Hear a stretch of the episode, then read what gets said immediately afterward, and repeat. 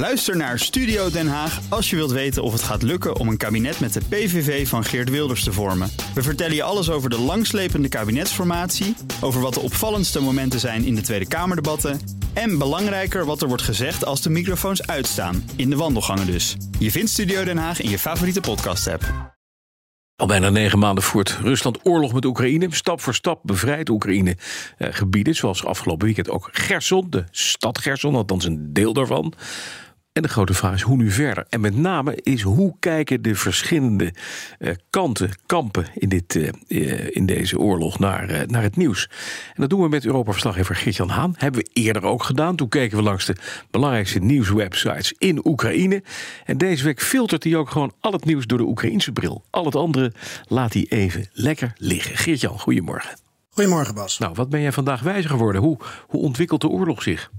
Nou, het moraal is natuurlijk heel hoog nadat uh, Gerson bevrijd is. Um, een deel van de zuidelijke uh, provincie van Oekraïne, inclusief die stad. En dat was eigenlijk de enige grote stad die de Russen in hadden, hadden gekregen de afgelopen negen maanden.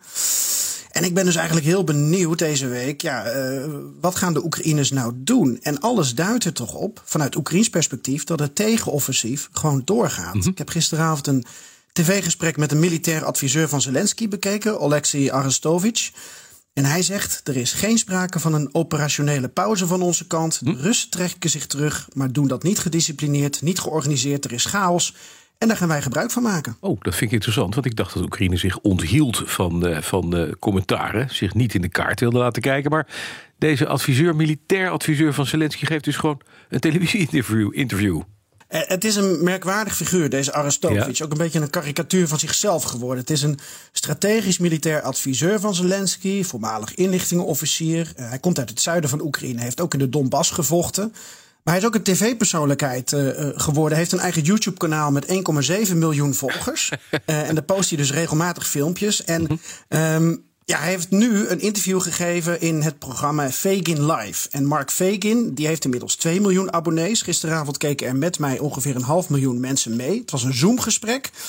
En die Fagin, dat is een Rus. Dat is een oud-advocaat van de Russische punkband uh, Pussy Riot. Misschien wel bekend. Ja. En hij is ook oud-Duma-lid. Dus ik heb officieel niet naar Oekraïnse tv gekeken. Maar goed, als je toch wil weten hoe het aan het front gaat... en je krijgt de adviseur van Zelensky dan voor je kiezen...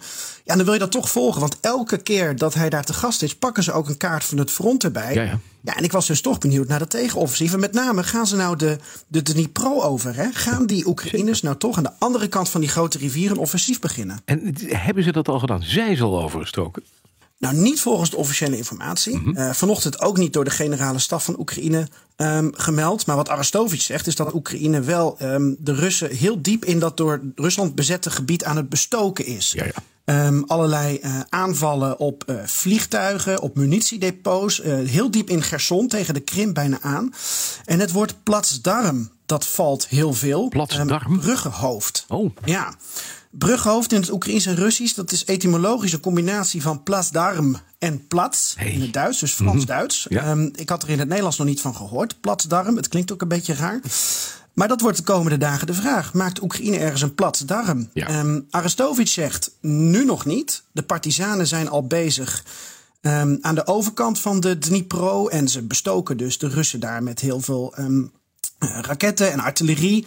Maar hij zegt ook, ja, um, dat die andere kant van de rivier, met Gerson en de Krim, dat is eigenlijk de grootste steppenvlakte van Europa. Dus ja, de Russen graven zich daarin. Ja. Maar als je als Oekraïne daar de oversteek maakt, ja, dan, dan, dan, dan val je op. Er is bijna geen boom om je achter te verschuilen. Dus um, het uitroken, dat gaat een beetje door. Juist, het, op zich interessant, want de Russen die claimen de hele tijd, eh, maar dat weet jij niet, want jij leest de Russische kranten niet, maar dat ze uh, zich aan het hergroeperen zijn en de rust nemen. Er komt een winter aan, dus uh, ze kunnen daarna kunnen ze vol gas in een, in een tegenoffensief. Maar toch, waar gaan ze heen dan, die Russen? Want je zegt het al, ze zitten nu op een soort, step en daar kan je niet veel uh, mee.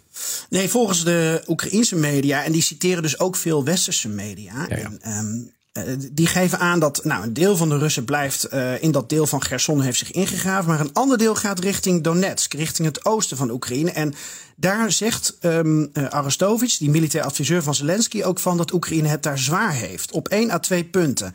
Dus in Oekraïne denken ze dat Rusland het zwaartepunt op Donetsk wil leggen.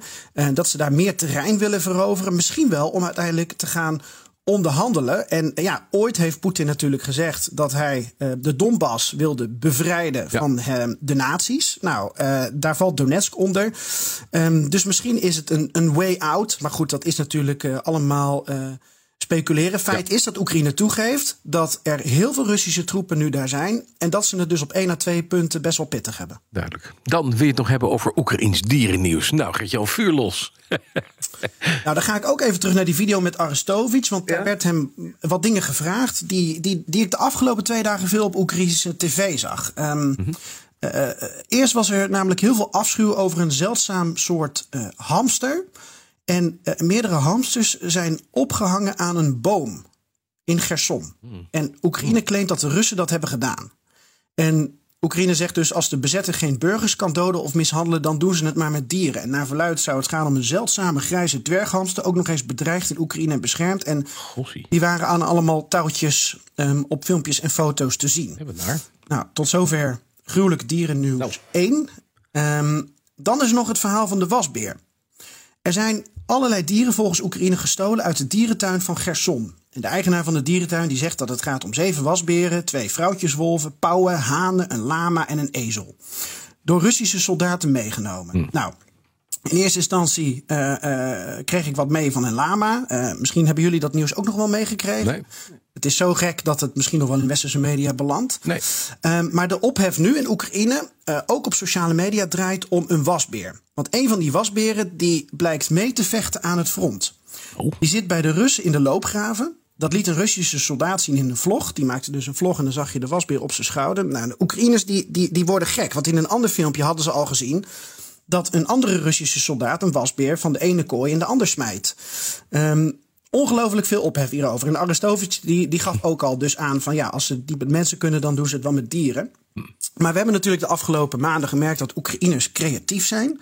Ook in hun uitingen op sociale media. En ze hebben dus nu bijvoorbeeld uh, een actie gestart om die wasbeer terug te krijgen. Uh, onder meer met een fictieve filmposter van, um, hoe heet die film ook alweer? Saving Private Ryan. Ja. En um, daar is nu de variant op gemaakt, Save Private Raccoon. met dan niet als ondertekst, the mission is a man, maar the mission is an animal. An animal, mooi.